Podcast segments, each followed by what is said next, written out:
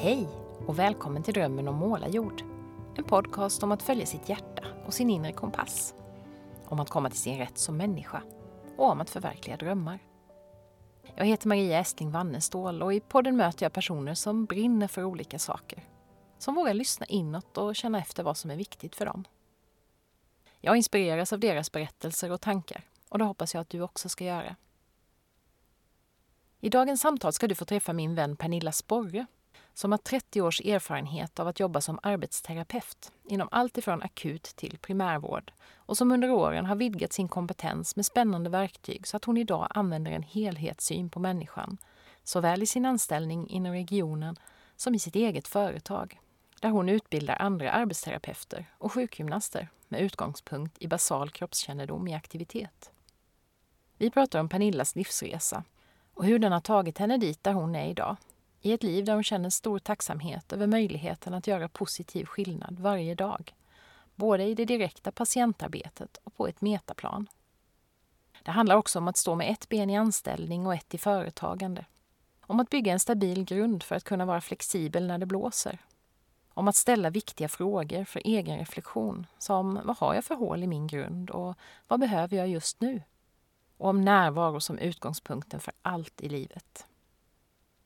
Välkommen hem till min soffa i Målarjord där vi har spelat in detta poddavsnitt. Som är nummer 94 i ordningen.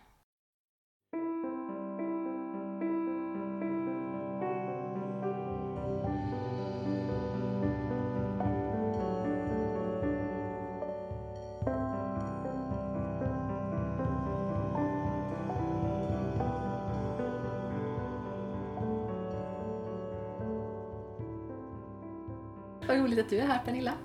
Tack. Äntligen får vi till Ja. vårt ja. poddsamtal. Vi träffas ju och pratar mycket i vanliga fall men det här har vi inte gjort tidigare. Det här har vi inte gjort tidigare och det känns så spännande. Ja. Samtidigt som jag tänker att, som du säger, vi brukar ju prata om viktiga saker Ja. och eh, allt möjligt eh, ofta. Ja. Så att det är nog eh, det som får bli tråden idag också. Ja, Att se vilket samtal som kommer. vi får se vad det blir. Mm. Och jag tänkte börja med den där eh, svåra frågan om vem du är. För jag tänker vi kommer prata mycket om din gärning och ditt eh, yrke och jobb och vad du gör där. Mm. Men du är ju en människa, en person också. Och det brukar många tycka är jättesvårt det där med att beskriva sig själva. Men Ja. hur ser du på dig själv? I alla fall just idag. Precis. Jag tänkte tanken innan att eh, den frågan kommer ju säkerligen komma. Men det innebar inte att det kom ett svar Nej. uppbubblande. utan vi får väl eh, ta det kanske lite grann från eh, där jag är precis just nu. Mm. Att, jag, att det blir så tydligt att jag är en väldigt engagerad, lösningsfokuserad person som har en god förmåga att snabbt hitta idéer för att ja, inte lösa hela världens problem, men de problem som finns precis för stunden eller de uppgifter som finns för stunden. Mm. Jag är inte så sugen på att kalla saker och ting för problem heller, Nej. utan vad har vi att ta tag i just nu? Vilken skillnad det är vad man, vad man benämner saker med. Är det Ja. ett problem? Är det en utmaning? Är- Alltså, det påverkar ju jättemycket hur vi ser Ja. på det. Ja. Och jag. har nog väldigt lite problem. Ja. Utan snarare att ja, men problem, det hjälper oss inte liksom, på Nej. vägen. Och det innebär inte att jag är en sån här naiv optimist som bara kör på i alla lägen och säger att det finns alltid bara positiva sidor på allt. Liksom så. Men däremot så har jag någon naiv tro på att det alltid finns lösningar.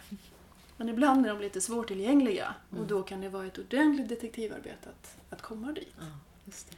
Och det är ju något som du verkligen gör i ditt jobb. Ja. Eh, mycket som vi ska Mm. prata mycket om Mm. så småningom. Och som person är jag nog också... Jag menar att mina drivkrafter finns genom allt jag gör så att jag inte... Mina fritidsintressen, min anställning, jag som person, det som är viktigt för mig, det går väldigt in i varandra. Mm. Så att jag har inte så täta vattenskott liksom på, på det. Nej. På gott och ont såklart. För det kan bli mycket ibland. Mm. Men det är ju också det som är så himla spännande. Ja. Mm. Var det kanske ett svar? Ja, det tycker jag var ett jättebra svar. Jag, tänkte, för jag, funderade, jag brukar fundera också, när det är människor jag känner så brukar jag fundera på hur ser jag på den här personen? Och jag Ja. känner igen mig jätteväl i det du säger. Men jag har en sak till som jag tänker på när jag tänker på dig. Mm. Och det är en värme. Det ordet kommer upp när jag tänker på dig. För så känner jag alltid när jag träffar dig. Det är väldigt olika i mötet med olika människor. Men när jag träffar Pernilla så kommer det alltid en väldigt stor våg av värme. Och vi pratade ju om det när, när du kom här idag. Vi får inte kramas. Det gör vi ju alltid annars. Ja, absolut. Och det är inte bara den fysiska värmen utan det är liksom en, en varm inställning till andra människor. Uppfattar jag det som att du har. Som jag tänker att du har jättemycket nytta av i ditt jobb också. När du träffar så mycket människor. Många människor som till exempel har det ganska tufft i livet och sådär. Du har nytta av den där. Jag blir jätteglad för den beskrivningen såklart och tar det verkligen som en, en present. Eh, och så samtidigt så känner jag att ja, men jag känner mig faktiskt igen mig i det. Mm. Så att eh, jag tror att den värmen den gör skillnad för mig, Mm. absolut. Eh, men att det är också ett jag var på väg att kalla det för verktyg. Alltså att Ja. det är någonting som gör skillnad för att jag faktiskt får en chans att möta människor. Just Och det är jag så otroligt genuint intresserad Ja. av. Hur får vi till möten? Precis. Och det, är ju, Även om vi har meningsskiljaktigheter eller vad Ja, det skulle visst. vara. Så. och det är ju en närvaro i det också. För man Ja. kan inte vara man kan inte vara varm i förhållande till en annan människa om man inte är där. Nej. Om man inte är närvarande. Så att det, ligger, det hänger ihop. Närvaro är en otroligt stark del i, Ja. i allt jag gör. Ja. Liksom, så. Just det. Ja. ja, men det ska vi återkomma till. Ja, Spännande. Kul. Tack för den beskrivningen. Ja! Sen tycker jag ju alltid det är roligt med människor som jag har lärt känna i vuxen ålder ganska sent i livet som med dig. Jag vet inte riktigt hur länge vi har känt varandra, men det är ju några år nu. Men jag har ju liksom inte alls varit med i ditt tidigare liv och då blir jag alltid nyfiken på hur blev Pernilla den Pernilla hon är idag? Hur har den resan sett ut? Vem var du som barn till exempel? Hade du Ja men du har ju det här starka drivet och eh, passionen och liksom eh, närvaron. Fanns den redan då eller är det någonting du har utvecklat med åren? Kan du berätta lite om din, den vägen hit? Det skulle vara spännande att höra någon som verkligen kände mig tidigt i livet, hur de beskriver mig och inte har följt hela livsresan. Nej, liksom. Någon gammal nära klasskompis eller någonting sånt där. Eh, för jag tror att jag var, jag ska inte säga försiktig, för jag har nog varit liksom framåt och armbågat mig, liksom, gett mig själv utrymme. Men rent fysiskt var jag liten och jag är född väldigt sent på året. Jag var alltid minst i alla lägen. Alltid minst. Och jag tror att det var en del i den där armbågandet. Att visa att jag kan i alla fall. Ja. Kalla mig inte för den lilla, lilla Pernilla liksom. Så jag Ja, det. hatade att bli kallad liksom liten. Jag ville visa att jag kunde i alla fall. Var du småsyskon också? Nej. Det var du inte? Nej. För det är annars en... Hamnar du ju ofta småsyskon. lilla syrran var ju lika lång som mig. Ja, Alltså det, är det är liksom, nästan värre. Ja men nästan sådär. Och när vi, vi idrottade jättemycket i vår familj. Och lillasyrran hade ju alltid förmågan att, alltså hon, hon stod ju på pallen när vi hade gjort saker och ting. Och jag kämpade liksom bak i. Att få höra, att bli slagen av henne var ju liksom jättetufft. För vi är ändå tre och ett halvt års skillnad. Så att jag kämpade mycket för att inte vara liten och, och så, utan tog i mycket. Så det har ju varit en, eh, både en drivkraft som ibland har drivit mig väl hårt, att ta i hårt och mycket.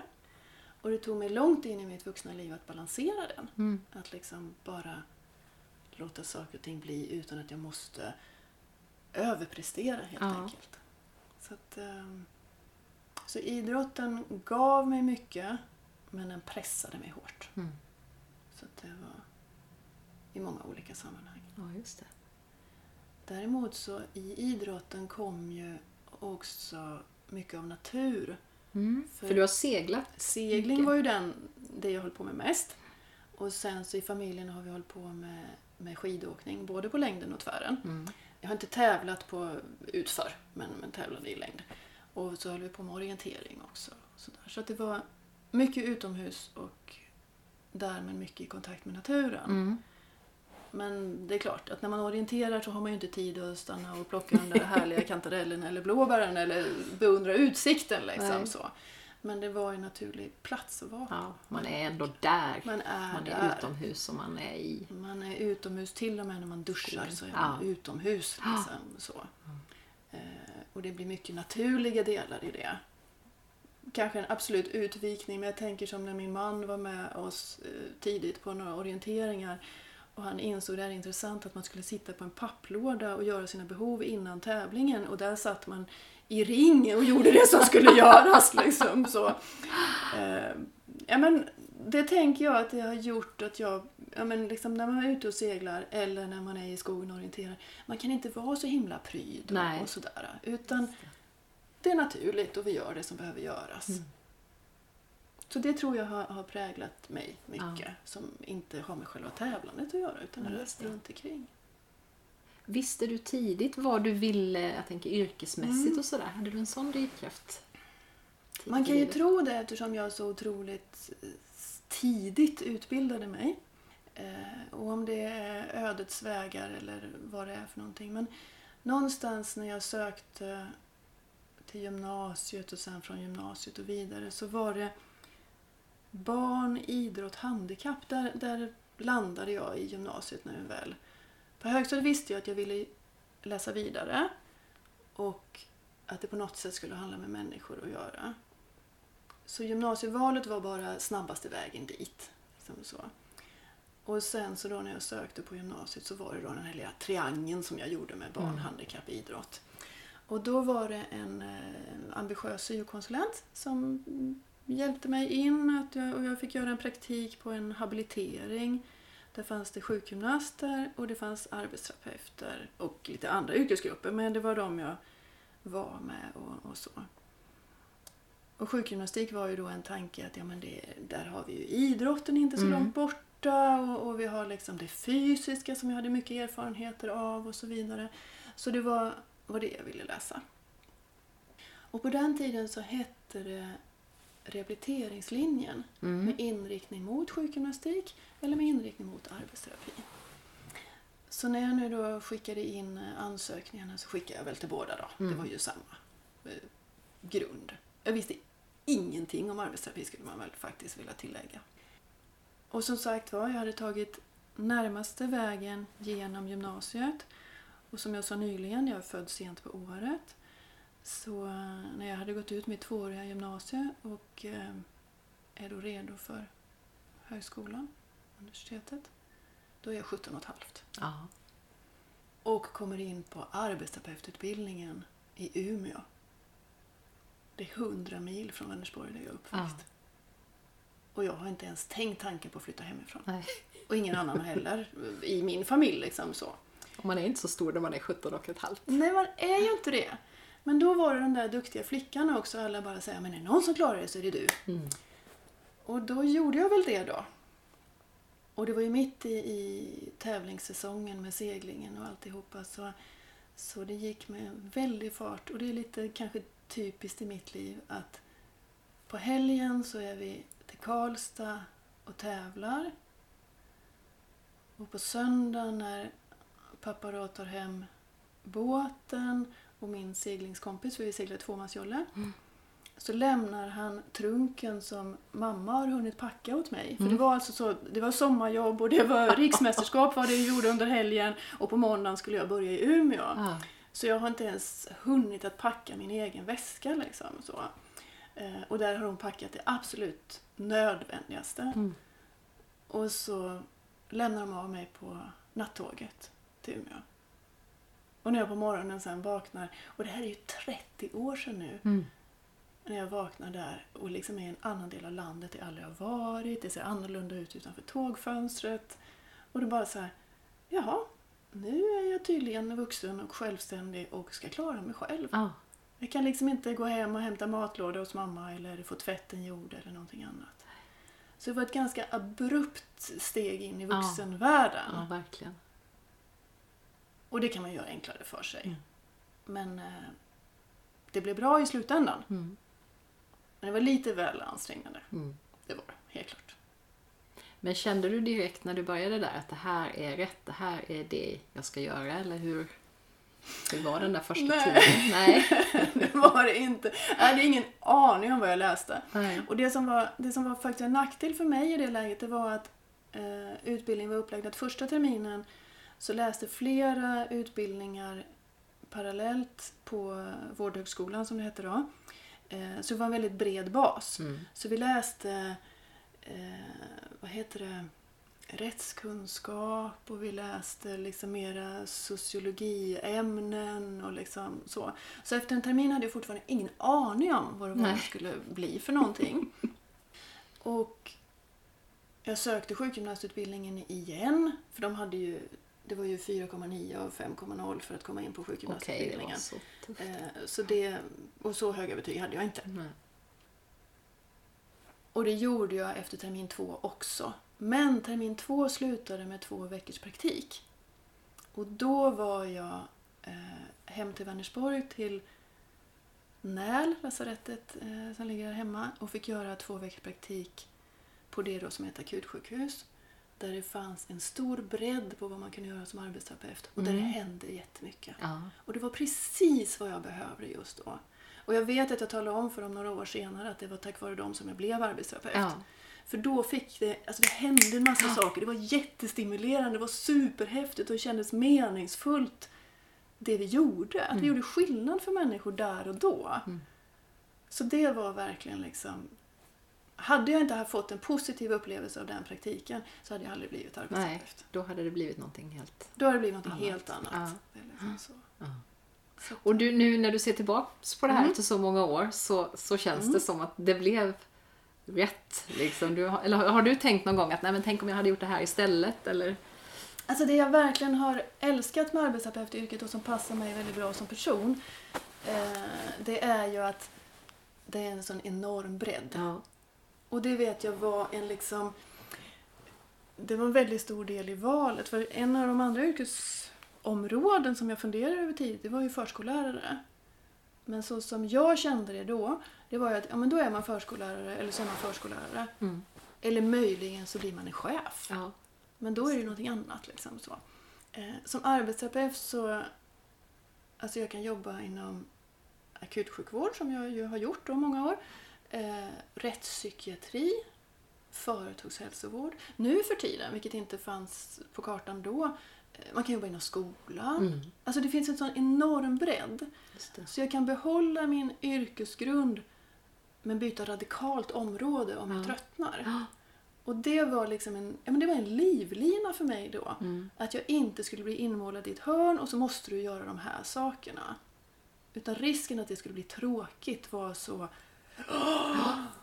Nej, det oh, vad skrämmande att det liksom skulle bli inmålad i ett hörn, att det är bara så här du måste göra. Och den eh, känslan av möjligheter har funnits där hela tiden. Sen har inte jag bytt många gånger under Nej, yrkeslivet. för du har jobbat med i akut jag jobbade på. Södersjukhuset i 12 år. Mm. Och tack vare att det är ett stort sjukhus och många inriktningar så fick jag också möjlighet att göra många olika saker där. Och det var ju en väldigt bra grund att ha med sig. För jag, har ju liksom, jag har ju snuddat vid alla områden som har med det somatiska att göra, Mm. det kroppsliga. Där. Och sen så blev det ju stora förändringar i, i vårt liv och så flyttade vi från Stockholm till Växjö och Småland. Och samtidigt så bytte jag liksom ände av, om man nu kallar det för rehabiliteringskedjan. Från då akutsjukvården på lasarettet till smärtrehabilitering. Ja. Och där var ju många av dem jag mötte hade ju haft sin problematik i många, många, många år. Just Präglat en stor del av livet kanske. Mm. Och då jobbar vi också långsiktigt på ett annat sätt. Och man hade inte tre dagars behandling som på akutsjukhuset utan man hade ju ja, tre månader räcker ju inte utan Nej. oftast mycket längre tid än så. Det har ju varierat lite under åren hur organisationen har sett ut men liksom, det är ju en helt annat perspektiv. Mm. Så det var stora förändringar som skedde i livet på, på liksom nästan alla plan. Mm. Ja, inte det privata. Det var min man och våra barn Det varit som stabilt. flyttade tillsammans. Liksom, så. Ja. Just det. Men övrigt så förändrades Ja. liksom det mesta då, Ja. i och med den här flytten. Och hur länge har du varit där du är idag? För idag jobbar du ju i... I primärvården jobbar jag idag. Mm. För en eh, tio år sedan någonting sådär så skedde det återigen organisationsförändringar så som ingår i, i livet. Och då, beroende på vilket humör jag är på, så säger jag att jag blev headhuntad eller tvångsförflyttad till primärvårdsrehab. För jag jobbade ju som sagt var på smärtrehab och organisationsförändringen skedde i och med det som då var helt nya direktiv med, med rehabiliteringsgarantin, sjukskrivningsmiljarden, det här att, att man hade ju sett att vi inte kunde ha de sjukskrivningstal som vi hade. Nej. att eh, den svenska ekonomin raseras om vi ska fortsätta på det sättet. Och såklart allt lidande som det innebär. Mm. Så man gjorde ju ganska stora satsningar och stora förändringar. Och eh, Region Kronoberg insåg då att om de skulle kunna uppfylla de kriterierna som krävdes så var man tvungen att ha arbetsterapeuter i primärvården. Och det hade många år tidigare i samband med ädelreformen 90-talet omorganiserats så det fanns bara arbetsterapeuter i kommunen. De hade flyttats dit istället. Mm. Och nu behövde man flytta in det i landstinget igen. Och då flyttades min tjänst från smärtrehab specialistvård till att ansvara för smärtrehabilitering i primärvård. Mm. Och första året var jag då utlånad från specialistvården till primärvården och sen så övergick min tjänst. Mm. Och det var ju såklart en jättestor förändring och den skedde liksom ovanifrån. Men samtidigt så fick vi ju vara med. Så det är klart att jag, vi fick frågan, vi som var arbetsterapeuter där. Mm. Och jag var ju sist in så det är därför jag säger att jag var tvångsförflyttad. Liksom, så. Men, men jag fick ju frågan och de andra fick frågan också. Mm. Så det var liksom inte... Och det var som sagt var en, en, en utlåning första året. Mm. Men det var väldigt spännande för att då få ta med sig de kunskaperna från smärtrehab och se hur kan vi göra det här i primärvård och vad krävs på det. Och eftersom ingenting fanns färdigt det. så blev det en väldigt stor möjlighet att också ja, men lägga grunden för vad kan arbetsterapeuter i primärvården i Region Kronoberg bidra med Mm. tydligt och forma den biten. Och sen har du ju startat företag också, så idag jobbar du ju både som anställd Mm. i primärvården Mm. och i ditt eget. Och varför? Hur kom detta sig? För det är ju inte så jättevanligt att man gör båda kanske Nej. i din Nej. roll. Och det är inte så många eh, arbetsterapeuter som är egenföretagare. Nej. Det har ökat, procentuellt har det ökat väldigt mycket på, på senare år. Eh, men det är ju fortfarande ett väldigt litet antal. Ja. Eh, ja, men det är, nog, det är de här drivkrafterna igen. Att liksom få chans att utveckla det jag tror på. Mm. Och eh, ja, ja, jag vet inte ens hur jag ska kunna göra en kort historia av det hela. Då får du göra en lång historia. Ja, vi får väl se var vi landar någonstans. Ehm, på smärtrehab, nu då för 15 år sedan kanske, eller lite till, så var diskuterade vi hur kunde arbetsterapeuterna och sjukgymnasterna jobba ändå närmare varandra. Så det blir ändå tydligare för eh, patienterna hur vi jobbade i samma riktning och det inte spretade i, i onödan. Och då kom det ett eh, förslag om att vi, skulle, vi som arbetsterapeuter skulle delta i sjukgymnasternas handledning i basal kroppskännedom. Mm. Och tillsammans med hon då som var deras handledare, Ingrid Olsson Nordgren, så tyckte hon att det var jättespännande. Och där och då så startades någonting helt nytt. Ja. Till att börja med så var det just så att ja, men vi arbetsterapeuter vi var med sjukgymnasterna på deras arena i gympasalen, övade kroppskännedom, fick chans att jobba med oss själva först och främst. Att det verkligen var det som var Mm. syftet. Och det var ju en personlig resa som startade där som jag inte hade en aning om vad den skulle leda mig i livet. Men sen efter ett tag, det kanske... Alltså det gick ju ett tag. Men då så kände vi arbetsterapeuter att ja, men nu vill vi ta med oss det här ändå tydligare in på våran arena. Mm. Hur inte bara använder vi ord som patienterna känner igen från sjukgymnastiken utan hur kan vi verkligen tillämpa det här i, i det vi gör, aktivitet som är våran arena. Och då var det också ett sånt där tydligt vägskäl när någonting hände vid ett tillfälle. Mm. Och då var det att, att Ingrid sa att ja, men jag är, är öppen. Eh, hitta på ni hur ni tycker vi ska göra och så testar vi. Och så flyttade vi in handledningen på arbetsterapilokalen och så gjorde vi eh, samma aktivitet som vi gjorde med våra patienter. Och på den tiden så fick de tillverka en, en perm, en papperspärm, vid, vid, ett, vid ett par tillfällen. Men vi delade upp då vad vi brukar göra vid ett tillfälle. Och så fick eh, vi och våra sjukgymnastkollegor precis samma instruktioner och så jobbar vi utifrån det. Och det som hände i rummet då var ett vägskäl för oss allihopa, för det var ju en ögonöppnare verkligen. Hur plötsligt vi som arbetsterapeuter var på vår hemmaarena. Ja. Hur vi började jobba med liksom detaljerna i vår kroppskännedom jag kommer så väl ihåg att vi började, låter supernördigt, hur vi började fundera över, jaha, det sker en liten rotation samtidigt som jag klipper i pappret. Inte bara en tyngdöverföring, en rörelse framåt och bakåt. Oh, och när jag låter rotationen komma så behöver jag anstränga mig mycket mindre. Ja. Alltså vi var verkligen nere och började nörda. Ja, liksom, verkligen. så. Och så samtidigt så kunde vi vända oss om och titta på våra mycket kompetenta, kära sjukgymnastkollegor som svettades. Ja, Otroligt! just det. De som var så helt olika- kompetenta på detta område, som kunde det här med kroppskännedom, som Ja. hade liksom mångåriga erfarenheter och utbildningar och alltihopa. De var inte på en vanarena. Nej. De fick plötsligt en aktivitet som liksom tog fokus, Mm.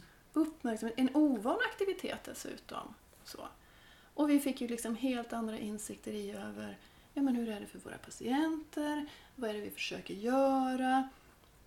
Ofta att vi lägger ribban för högt. Mm. Och det är ju det som sker i, i så många sammanhang, Ja, att man lägger ribban för högt. Ja. Eh, Efter det så, det var ju en process såklart, men efter det så slutar vi till exempel att göra en perm. För den innehåller för många moment. Mm.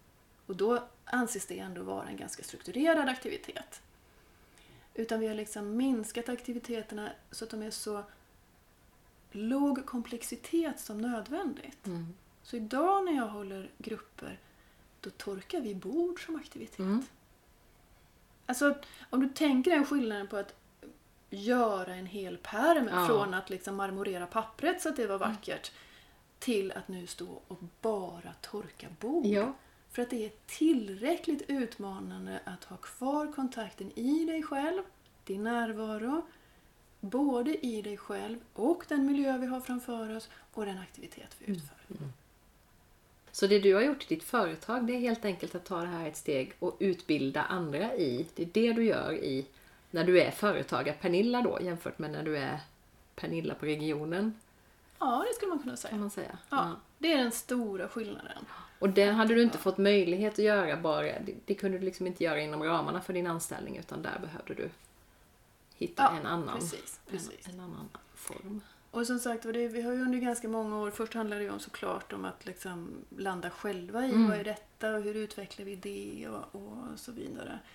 Och vi har haft Ingrid som jag nämnde, Ingrid Olsson Nordgren, hon har följt oss och mig hela den här vägen. Ja, I somras så fyllde Ingrid 80 år och hon är fortfarande med som min handledare och mentor. Och det är en fantastisk resa att kunna få göra tillsammans. Mm. Och där finns också oerhört mycket av den här värmen, närvaron och öppenheten att se hur, hur kan vi utforska det här? ja, Och som Ingrid sa det för första gången, jag har aldrig gjort det här förut. Vi testar och ser. Och Just det. vad blir det? Och så har liksom erfarenheterna och såklart framför allt patienternas respons Mm. är ju det som är den starkaste drivkraften. såklart. Att se att Så det här att det fungerar. fungerar, ja. Så det är värt liksom att Ja. lägga mer och mer ansträngning på. Jag vet att du har berättat om, när du har pratat om de här kurserna du håller till exempel, att de deltagare du har ibland tycker det är lite svårt det här med att oj, ska jag ta itu med mig själv här nu? För man är så fokuserad på att jag finns där för min patient. Men ni börjar ju i att grunda sig själv i detta, eller hur? Och det beskrev ju du här också, att man måste gå tillbaks till sig själv. Alltså jag älskar det utmanande uttrycket att man kan aldrig ta någon annan längre än vad man kommit själv. Nej. Och jag tror att det egentligen gäller på alla plan oavsett om vi skulle ta det i relation till föräldraskap eller pedagogiskt eller liksom så. Och det innebär ju utmaningen att jag faktiskt måste möta mig Mm. själv och se var jag själv står och, och utforska det ganska läskiga i vad finns mina hål i grunden? Mm. För eftersom vi nu är människor med resurser och hinder. Det finns ingen perfekt människa för då är de en robot istället. Det. Alltså har vi olika hål i grunden. Mm. Och att liksom utforska dem och våga ta tag i dem och se att hur kan jag skapa en tillräckligt stabil grund för mig själv så att jag kan stå trygg genom livet Mm. och möta dig där jag är. Det är klart att det kan vara ganska läskigt. Mm. Och kommer man då i rollen som ja men, legitimerad arbetsterapeut, legitimerad fysioterapeut eller vad det är för någonting så har du ju också inte bara en egen förväntan utan det finns ju liksom krav på att man ska kunna prestera och leva upp till sin legitimation och allting annat. Eh, Men det är inte alls säkert att du någonsin hittills har behövt möta dig själv Nej. i den rollen. Är man eh, psykoterapeut till exempel, då ingår ju det i Just det. utbildningen. Och jag tar för givet att det gör det hos psykologerna och liksom så vidare. Så de, de psykosociala yrkesgrupperna, där finns det liksom en självklarhet i en, och en tradition och du ska ha genomgått handledning och, och så Och man vidare. gör kontinuerligt också, eller hur? För man har ju hela tiden handledning själv när man jobbar i sådana. Precis, och yrken. det är otroligt fascinerande. Vi möter samma personer, samma patienter. Mm. Men det är självklart inom de psykosociala yrkesgrupperna att man har handledning och Ja. mentorskap. Medan man då i våra yrkesgrupper, arbetsterapeuter, sjukgymnaster, sällan har. Ja. Inte ens oftast, utan det. sällan. Och det kan vara vissa specialistenheter och, och, och sådär som det finns Ja. mera av. Och när jag jobbade på smärtrehab så hade vi det. Ja. Vilket jag är otroligt tacksam över och det gör stor skillnad fortfarande. Men i primärvården har jag det inte. Nej. Därmed inte sagt att ingen har det i primärvård, det vet jag inte. Men hos oss Mm.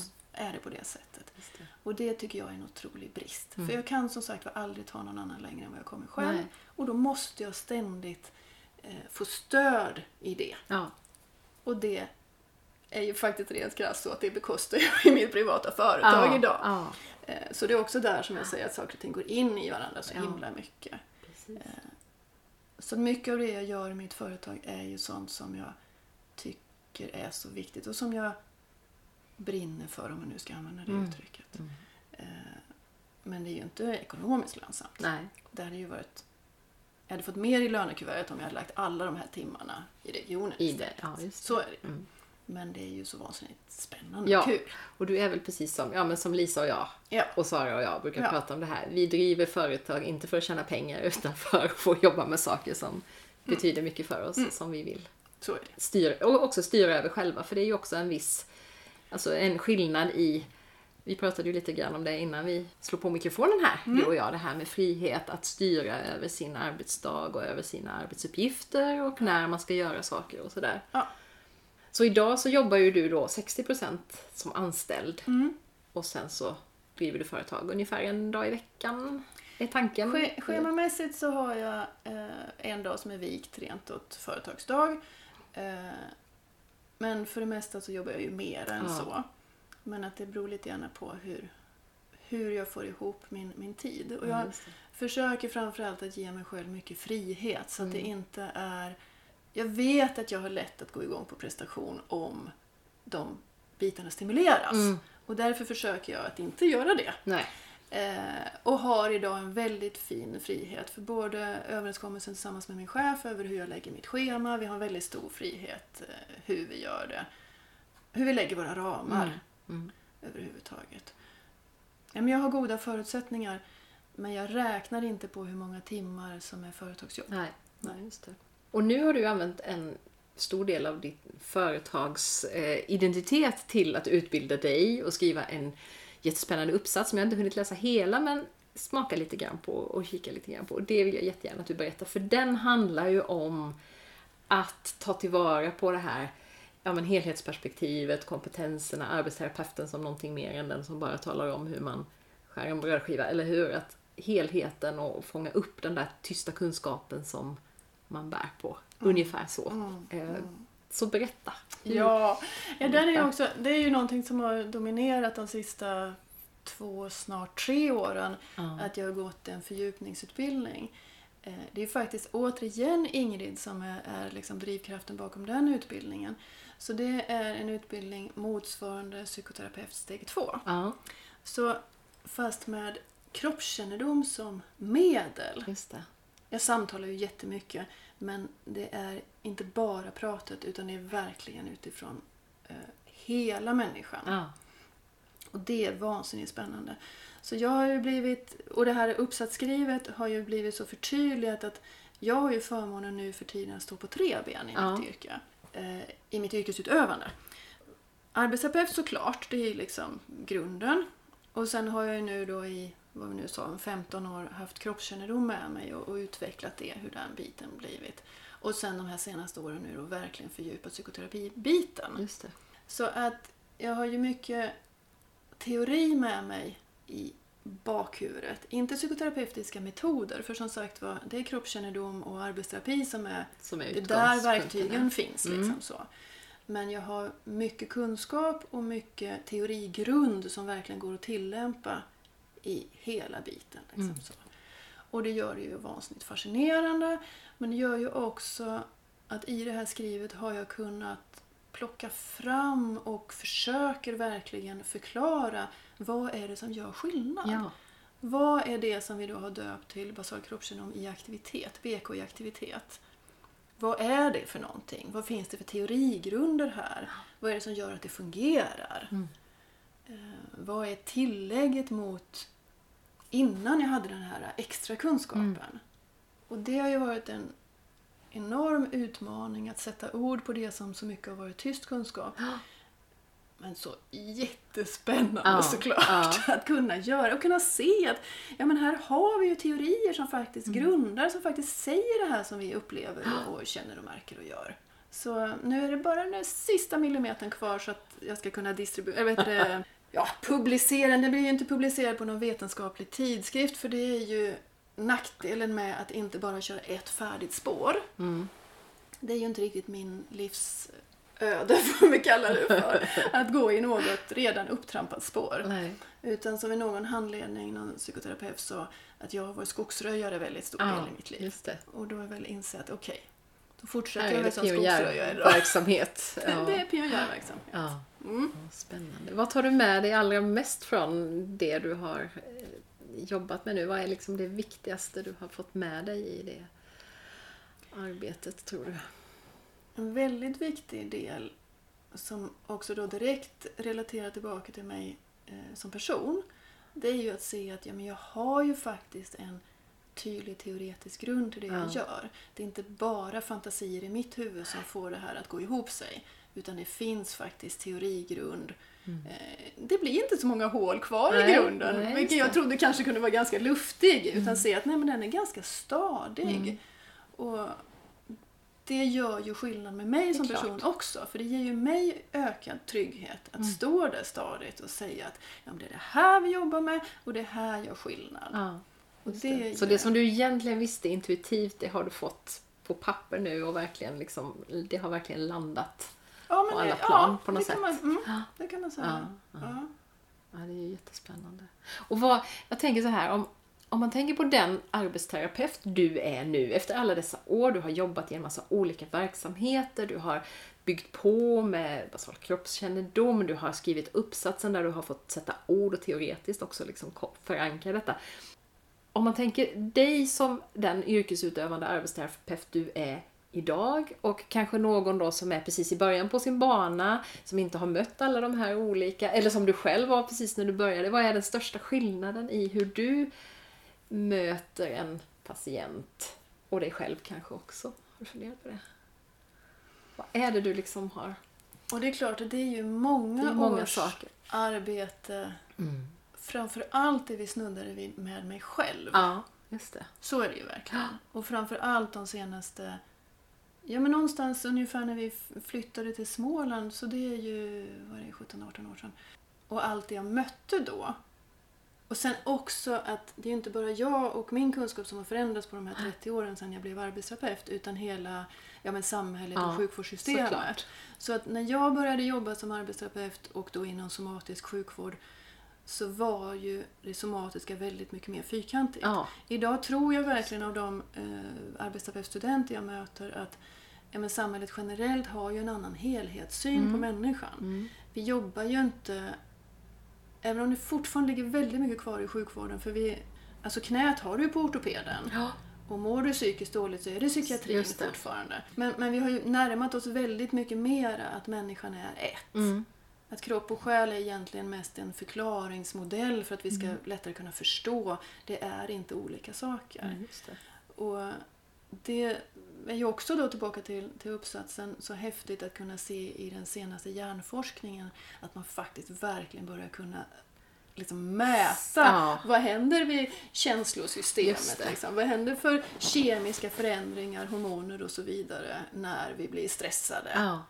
Och så vidare. Alltså liksom, Att vi faktiskt forskningsmässigt nu också börjar kunna se att det går inte särskilja det så som man har Nej. försökt att göra tidigare. Och, men sen tar det ju olika lång tid i olika delar av vårt Mm. av samhällssystem. Och det är klart att sjukvården är ju väldigt styrd av det medicinska naturvetenskapliga paradigmet. Så är det fortfarande. Ja. Så är det ju fortfarande. Och vi har evidensbegreppet som är väldigt...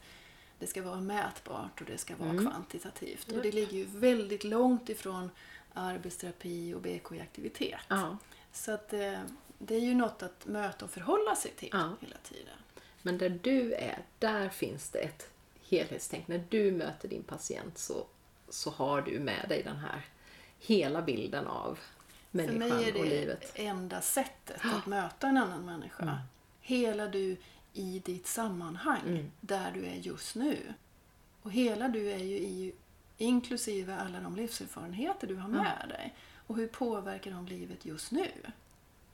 Vi kanske inte behöver grotta ner i vilka traumatiska upplevelser du har haft. Men påverkar det dig just nu så behöver vi förhålla oss till det och se hur kan vi skapa en tillräcklig stadighet, trygghet nu för att du ska från idag och framåt kunna leva ett så bra liv som möjligt Mm. utifrån dina, ja det du vill, måste och behöver göra i livet. Och där har jag ändå förmånen att ha en ganska stor frihet i min anställning. Hur möter jag människor? Eh, Men det är ju också den, det sökandet av den här friheten som också gör att jag vill jobba i, i företaget. Mm. Och, och framförallt utbilda andra är det jag Ja, men det är mest klart. av. När man känner att någon, någonting fungerar och är bra så vill man ju sprida det till världen också Ja, såklart. Så, så det har du möjligheten att Ja, göra där. ja. Men det här att stå med ett ben i företagarvärlden samtidigt som du är anställd. Alltså påverkar det dig som person att vara... För jag kan ju känna att jag, jag har stått ganska mycket i mitt liv med ben i två världar. Och ibland är det jättejobbigt. Och ofta är det väldigt bra också. För att man kan också vara en brygga mellan de här olika världarna. Hur ser du på det där att liksom ha lite olika sammanhang eller identiteter eller så? Alltså när vi förut pratade någonting om det här med yrkesval och jag sa att jag inte kunde tänka mig att välja ett yrke som, som rutade in mig liksom, för mycket. Så passar ju det här väldigt bra för att Ja. jag kan få mycket bredd liksom, samtidigt. Sen så är det klart att energi, min egen personliga energiåtgång Mm, är ju högre än om jag bara jobbar i ett spår. Precis, för då kan man fokusera Ja. på det lättare. Så, ja. För det är ju som någon gång tidigare i yrkeslivet när jag hade två olika anställningar samtidigt. Ja, Jag hade mindre ut i lönekuvertet men jag jobbade ju mycket mer. Ja, det Alltså, känner jag igen också, Ja men så, så är det ja, ju. Ja, visst så är det så. ju. För det är olika system och det är olika människor och det ja, Ja, visst, det tar Det är mer massa runt omkring som, som tar Ja. mer tid. Liksom, Ja, så. Men eh, det är ju också så att mina, både min anställning och mitt företagande berikar varandra. Så det är klart att emellanåt så kan jag ju tänka att ja, nu sitter jag hemma och läser på saker och ting som jag sen tillämpar i min anställning. Mm. Mycket av den anledningen att det inte ens idag finns utrymmen att reflektera och förkovra sig Nej, i anställningen. Vilket ju är en katastrof. För din tidbokning är full även nu, vi pratade just om det, att även nu i coronatider så är det inte så att du sitter och rullar tummarna och väntar på när Nej, nästa alltså patient ska komma om en vecka. Jag, jag har ju förmånen att människor runt omkring mig har förstått var, var mina kvaliteter finns. Så jag har vanligtvis väntelista. Och eftersom jag nu då har haft förmågan att kunna ställa om ganska snabbt så har jag kunnat möta mina patienter i alla fall, Ja. fast att det är coronatider. Nej, så det, det är inte... Det är inga Det är det ingen ingen stora luft lufthål att förkovra sig är så. Nej. Men, men om vi faktiskt... Du frågade förut om fördelar Mm. med att ha båda de här bitarna. Och just nu blev det ju väldigt tydligt i och med coronatider. Mm. För det är klart att hade jag kastat mig ut och på fulltid skulle jobba med utbildningar, Mm. då hade jag ju varit helt arbetslös just, Just nu. det. Helt arbetslös. Mm. Alltså sjukvården, vilket ju är den största arbetsgivaren till, till mina eh, kursdeltagare, sjukvård, kommun och, och så vidare. De har ju full sjå att bara vara här och nu Ja, i den visst. akuta situationen. Just. Att ens då tänka så långt som till den utbildning jag kommer, som jag har planerat för i september. Mm. Alltså, det har ju inte, det har kommit in noll anmälningar sedan corona kom. Mm. Ja, liksom så. De anmälningar som är, de är ju lagda innan. Liksom så. så då är det ju väldigt skönt att känna att ja, men jag har ju en fast Ja. anställning här. Den är bara på 60% men det överlever jag ju på. Ja. Jag får mat för dagen och tak över huvudet Precis. liksom, på det. Och det... Och du får dessutom jobba med någonting som är viktigt för dig. Jag får verkligen bidra. Ja, så det är inte något tråkigt eh, brödjobb som du bara ska ta Nej, dig igenom för att få inte. göra det andra. Nej, Verkligen det- inte. Utan, och där kan jag ju känna i dessa tider att jag gör dessutom stor nytta. Ja, verkligen. För många av dem som jag möter med psyk, har ju psykisk ohälsa som någon del i, i problematiken. Och alla reagerar vi ju på det som händer här Såklart. nu. Vissa starkt och andra med bara allmän livsomställningssvårigheter Mm. som det innebär för alla. Så det, det är också häftigt att känna att ja, men okej, jag behandlar inte coronapatienter på intensiven men jag gör stor skillnad för andra människor Mm. där corona påverkar. Ja, ja precis. Det känns gott i hjärtat att kunna lägga lite extra energi där. Verkligen. Och jag tycker också det är så viktigt att, för det är ju så många som går i det här med företagartankar. Nu kanske, men även annars. Och just det här att man ofta har den här känslan att ah, nu ska jag säga upp mig och så ska jag kasta mig ut. Liksom. Att det är det som är den allmänna bilden. Och att det är ju sällan en särskilt bra idé och det tycker jag är viktigt att förmedla också från alla människor jag har träffat i podden, mina egna erfarenheter, det här liksom att, ja, men att ha någonting annat vid sidan av eller att smyga igång, gå ner i tjänst kanske successivt. Jag läste just, jag håller på att läsa en fantastisk bok av Elizabeth Gilbert som heter Stor magi eller Big Magic som handlar om kreativitet och just det här, ja nu, nu ska jag säga upp mig och skriva en roman som hon får höra ibland och så säger åh jag får ont i magen varje gång. Hon själv hade ju ett, det hon kallar för brödjobb, men ett, ett jobb som gav pengar och som hon trivdes med jättelång, under jättelång tid. Hon skrev tre böcker tror jag innan hon, ja och sen, sen slog hon igenom med den här Lyckan, meningen och kärleken, nej, Lyckan, kärleken och meningen med livet. Och då, först efter den liksom, kunde hon släppa. Men, men det är som att det är någon, det, det, det är det som är spåret, det är så man ska göra det här, kasta sig ut. Och det är ju väldigt sällan då det blir bra. Så att därför tycker jag det är så skönt att höra människor som, som kan prata om det här, att ja men man kan ha ett trygg anställning och sen kan man göra det där lite mer experimentella som i tider som dessa då kan bli jättesvårt i vissa fall. Det är många också som jobbar som föreläsare och så som har fått hela sin liksom, egna verksamhet kullkastad från en dag till en annan. Så jag tror, jag tror det är jätteviktigt att ha med sig det där också. Att, Och jag kommer att tänka på... Eh, vid företagscoachning så fick jag, blev jag kallad kombinatör. Ja, Att hon liksom sa att ja, men de som är helt egenföretagare och ni som är kombinatörer det. tillsammans med någon annan, eh, ett annat yrke eller annan eh, anställning eller Ja. sådär. Och jag känner att för mig passar det jättebra att vara Ja. kombinatör. visst. För jag får göra det roligaste av båda delarna. Sen innebär ju det förut som vi sa eh, emellanåt lite dubbelt jobb. Ja. Så är det ju. Så det ska man ju vara Men liksom- om, Men, För min del, än så länge, Mm. inte vet jag vad som händer senare i livet. nej.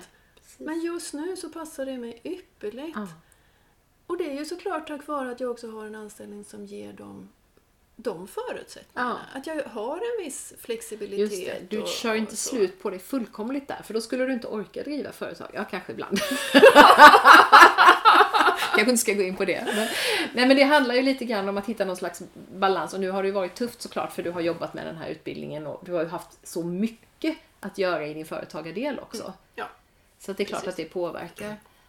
Och sen så tänker jag att i en del av det här med att lära känna mig själv så har jag ju blivit... Just nu så inser jag att det är bättre för mig att jobba hela dagar i primärvården så att jag då kan fullständigt fokusera på det och sen ha hela dagar när jag inte är där. Nej. Så till exempel har det ofta inneburit att jag har jobbat på, på Flexplus på min anställning och sen har jag tagit ut hela dagar som jag då kallar för företagsdagar. Och det funkar mycket bättre för mig än att tro att jag ska liksom på kvällen företagsjobba eller komma hem någon timme tidigare för att göra det istället. Precis. För det orkar inte min hjärna ställa om. Nej. Och det är ju jätteviktigt i hela den där lära känna-processen. Mm. Hitta de där, ja men vilket arbetssätt funkar för mig? Vilka strategier funkar för mig? Och som jag tänker att man jobbar med och utvecklar och förändrar också Mm. Under hela sitt yrkesliv. Om jag tittar på hur, hur liksom min arbetstillvaro har Mm. sett ut så har jag ju förändrat och förändrat och förändrat och förändrat och anpassat till, ja men så här vill jag ha det just nu och så. Och där tänker jag det här vi kommer tillbaka till med närvaro. Att se att hur är livet just nu Ja. och vilka ingredienser ingår nu. Både för mig som, som person, för det förändras ju eh, hur jag själv mår, Ja, vad jag har för kapacitet. Förutsättningarna för människor runt omkring, alltså min familjs behov ändras ju såklart under årens lopp. Och, och anställningen och, och nu som sagt vad inser vi att nu kom Corona som Ja. vi inte hade en aning Precis. om och omkullkastade världen. Ja. Och har vi då möjligheten att verkligen vara i närvaro, Mm. att se att nu är förutsättningarna så här. Ja. Ja, det kanske inte är precis som vi önskar eller vill, men det är som det Ja, är. precis. Hur kan vi då göra det på bästa sätt? Det. Och det skapar ju grund för det som man till exempel inom omställningsvärlden pratar om som resiliens. Och ibland hör man ord som psykologisk flexibilitet. Men det är ju det här att inte, inte vara så rigid i sitt tänkande så, att man, så att allting blir totalt kaos när det händer sådana här saker. Utan, ja, men jag har tänkt på det nu i mitt företagarliv till exempel. Ja, men hur kan jag förändra saker? Nu kan jag kanske göra saker digitalt som jag inte gjorde innan. Det behöver inte, alltså, det behöver inte bli så att allting, man slår inte undan benen på sig själv när sådana saker händer. Eller när det händer, ja men som du sa, när det händer saker i familjen och det påverkar en. Men just att kunna anpassa livet då efter de nya förutsättningarna, det, det uppfattar jag ju som en av de viktigaste egentligen. Och det handlar ju om närvaron, det är precis det du säger, backa hem till det. Vad är det? Och det är då jag gillar också det här att, eh, ja, men som jag vet att, eh, att du kan och är intresserad av mycket och som jag använder jättemycket i mitt, eh, i mitt arbete också. Det här med värderad riktning Mm, istället för mål. just det. Nu heter det ju våran, i vårt eh, arbete att vi ska ha mätbara mål och, och en det ena och en det andra och vi ska göra rehabplaner och så vidare. Och självklart ska vi ha planer för eh, våra insatser vi gör. Men jag tänker att det är riktningen som är det intressanta. Det. Att varje människa jag möter, dels hjälpa dem att själva hitta vad är deras riktning? Vad vill de? Varför kommer de hit? Mm. Vad ska vi leda till? Så vi måste veta att vi alla är på väg i samma riktning. Alltså alla som finns runt den här personen och ska hjälpa Ja. den personen eh, åt det hållet de behöver. ingen jobbar åt ett helt annat håll än Nej men det är ju, det är alltså så. går jag in i en, i en auktoritär yrkesroll Mm. så kanske jag tycker att ja, men du borde göra så här i ditt liv och nu är det ditåt vi jobbar. det. Och det kanske inte alls överensstämmer med vad som Nej. är viktigt för dig. Och då är det klart man inte får några resultat. Absolut inte. Då är det större risk att jag hjälper den personen än att jag hjälper. Ja, visst. Men kan vi liksom förtydliga vad är riktningen och på vilket sätt skulle jag kunna stödja, hjälpa, bygga någonting vidare och, åt det hållet. Då gör jag, då gör jag skillnad. Mm. Och kan vi alla ha liksom mera av riktning, då finns det ju också en flexibilitet i det. Mm. Då kan vi, jag använder väldigt ofta metaforen av ett träd. Mm. Så kan vi ha stadiga rötter, då kan vi därifrån vara flexibla i livets stormar. Mm. Då rör sig trädet med blåsten. Och det. ska mycket, mycket mer till innan man blir knäckt. Visst. Än om man liksom bygger någonting hårt, Ja. stadigt och Ja. sen så slås det omkull. Och Så då. knäcks det istället Ja, för precis. att böja sig. Ja. Ja, ja visst. Så den en trygga bild. grunden är, är de rötterna som får bli djupa. Mm, Liksom. mm. Och därifrån så kan vi vara flexibla i livet. Och det ger ju också en enorm trygghet att Mm. veta att ja, men jag tål att det blåser. Mm. Eftersom jag klarar av att anpassa mig Mm, efter mm. vindarna. Just det. Och inte tro att jag ska vara så där duktig så att jag står stadig och eh, rak Nej. precis oavsett För ibland vad måste som jag händer. böja mig, imorgon måste, ibland måste jag bryta ihop lite också för att liksom kunna Absolut. fjädra tillbaka Ja. kanske då. Ja. Smaka på alla de där eh, Ja. obehagliga eller ledsamma känslorna eller Just vad det det. nu var för någonting och, och, och visa respekt för dem. Och sen hämtar man ny kraft. Och, Mm. Och i takt med det så, så bygger man också rötterna neråt och lär känna sig själv mer och då Mm. fördjupar man det och då står man stadigare. Så att det är ju en, ja, det är en väldigt bra bild. Och vad, jag tänkte på det nu med, för du har ju ändå du har jobbat hårt och du har gjort mycket och du har en drivkraft och en passion. Men vad gör du för att ta hand om dig själv? Jag vet ju att närvaro är en viktig del. Men för att du ska orka och vara det här, vad behöver du? Jag tror att utgångspunkten är nog också det här att ständigt, och då menar jag verkligen ständigt, vara närvarande i det jag håller på med.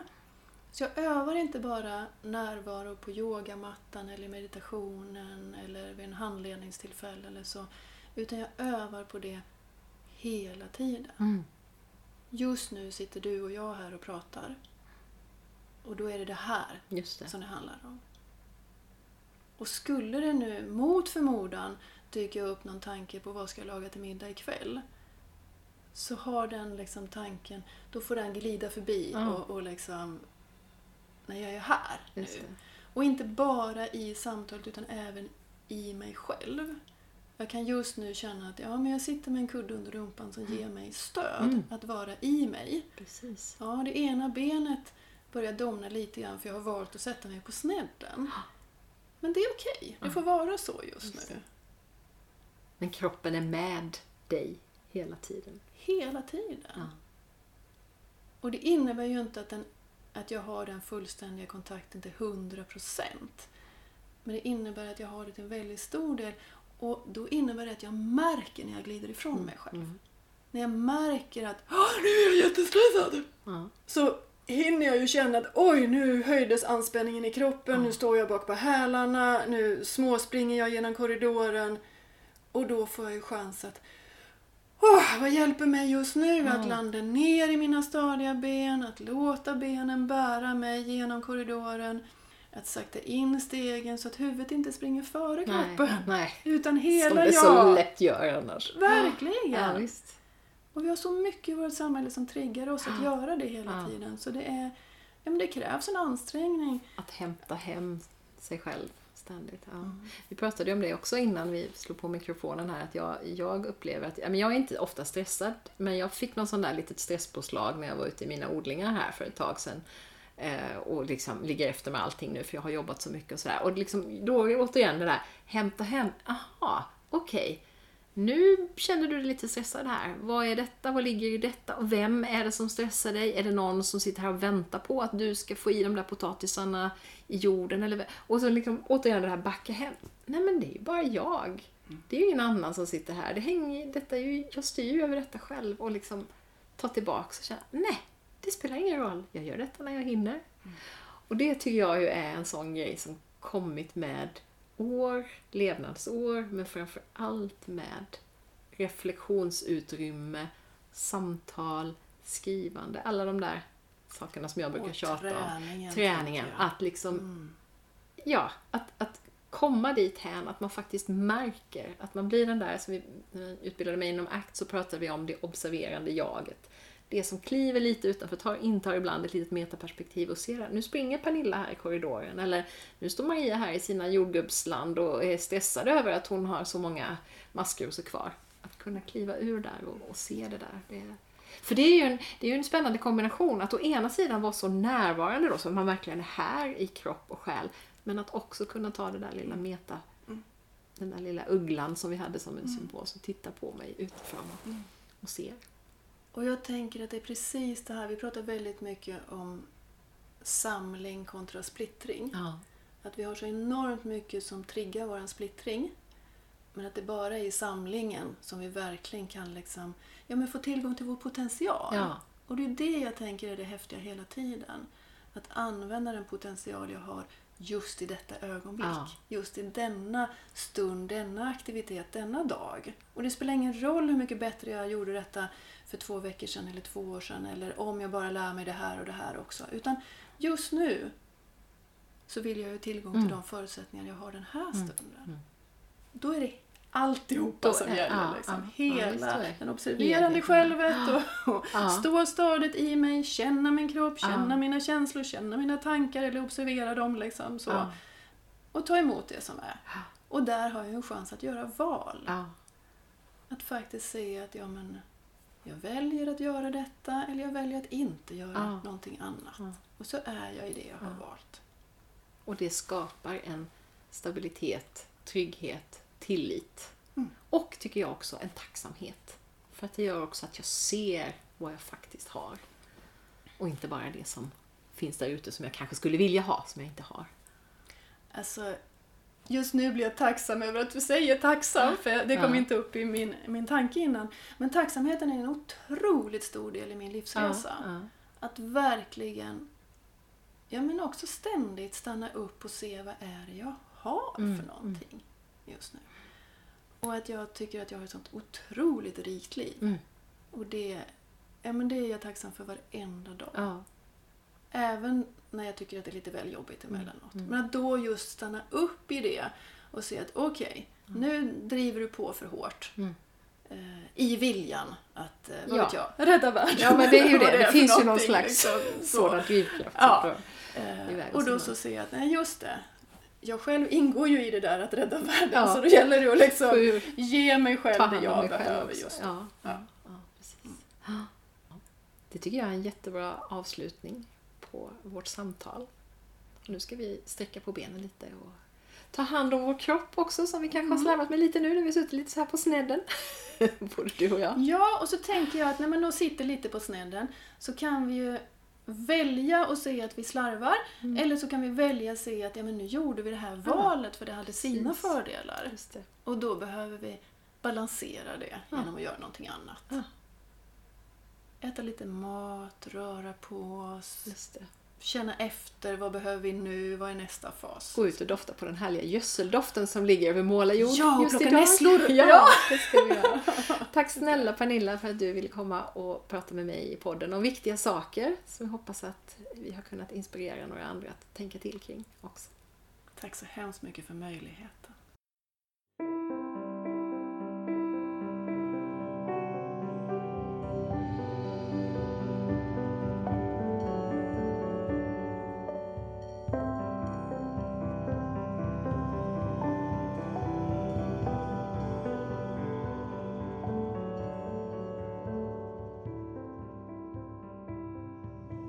Vill du läsa mer om Pernillas arbete och ta del av hennes kloka reflektioner så finns hon på aktivitetsbalans.se.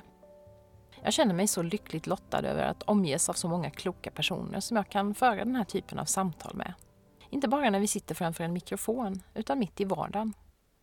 Några av dem, som min parhäst Sara, har funnits i mitt liv under lång tid. Medan andra, exempelvis Pernilla och Lisa, som du regelbundet möter i avsnitten då min lilla poddklan sammanträder, de har jag lärt känna ganska sent i livet. Jag minns att jag tänkte någon gång i 20-årsåldern att jag nog aldrig skulle få några nya vänner och jag hade verkligen inte många då. Men jag har med stor fascination noterat att det är nu, de senaste 5-10 åren, alltså efter det att jag fyllt 40, som många av de människor som jag har lärt känna och som nu står mig nära och jag har goda samtal med, har dykt upp i mitt liv. Det hoppas jag ska kunna ge hopp till dig som skulle vilja ha mer av samtal om viktiga saker i ditt liv. Det är liksom aldrig för sent att hitta de där människorna. Hur man hittar dem är en annan fråga, som jag, Sara och Lisa diskuterar i poddavsnitt 91. För mig har det till stor del handlat om att öppna mig, våga visa mer av mig själv och söka mig till nya sammanhang. Som exempelvis samtalscirklar och nätverk av olika slag. Och ibland har det känts som att människor liksom bara har kommit i min väg för att det var dags att jag skulle träffa dem. Det här med att reflektera och ställa frågor till sig själv är någonting som Pernilla pratar om i vårt poddsamtal. Jag har känt att det har utvecklat mig också väldigt mycket att göra det. Både helt privat och ibland lite mer offentligt, som i min blogg. Så idag skulle jag vilja skicka med dig några frågor utifrån vårt samtal. Var finns dina hål i grunden?